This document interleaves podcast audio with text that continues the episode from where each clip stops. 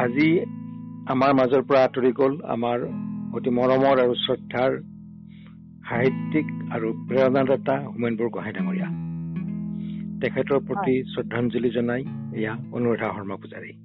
অসমীয়া সমাজ জীৱনত সাহিত্যৰ ক্ষেত্ৰত সকলোতকৈ তেওঁ ভিন্ন আছিল।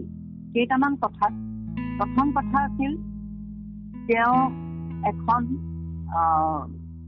ভিন্ন ধৰণৰ জাতি ধৰ্মহীন সমাজৰ বাবে এখন অসম তেনেকুৱা ধৰণৰ সপোন দেখিছিল সেই সামাজিক কথাবিলাক বাদ দিও তেওঁ সাহিত্যৰ জগতত যদি দেখা যায় তেওঁৰ প্ৰত্যেকটো লেখা জীৱনৰ ইমান গভীৰতাৰ মাজলৈ তেওঁ লৈ যায় যিবিলাক আচলতে মৃত্যু আৰু যন্ত্ৰণাৰ পৰা উদ্ধাৰ পোৱাৰ বাবে প্ৰত্যেকজন মানুহৰ কাৰণে একো একোটা সঞ্জীৱনী শক্তি হৈ উঠে। আৰু সেইটো তেওঁ নিজৰ জীৱনৰ মাজেদি তেওঁ উপলব্ধি কৰি সেই সাহিত্য সৃষ্টি কৰিছিল যিবিলাক সাহিত্য সেইকাৰণে ভিন্ন আছিল কাৰণ তেওঁৰ জীৱনটো ভিন্ন।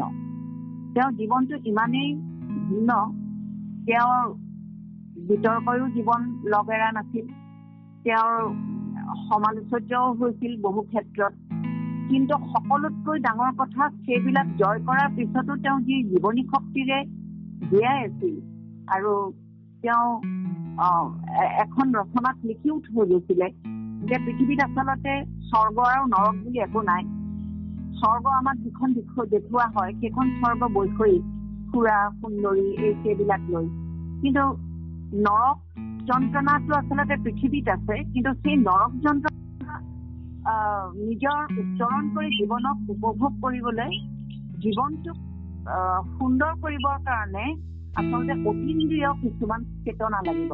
সেই অতীন্দ্ৰিয় চেতনাটোৱে হৈছে তেওঁ জীৱনক উপলব্ধি কৰিব পৰা তেওঁ পৃথিৱীৰ সাহিত্য কবিতা ছবি চলচ্চিত্ৰ এই সকলো মাধ্যম। তাৰ মাজেৰে সৈতে তেওঁ কেনেকে জীৱনটো লৈ গৈছিলে। গতিকে অতি ইতিবাচক এক কথা।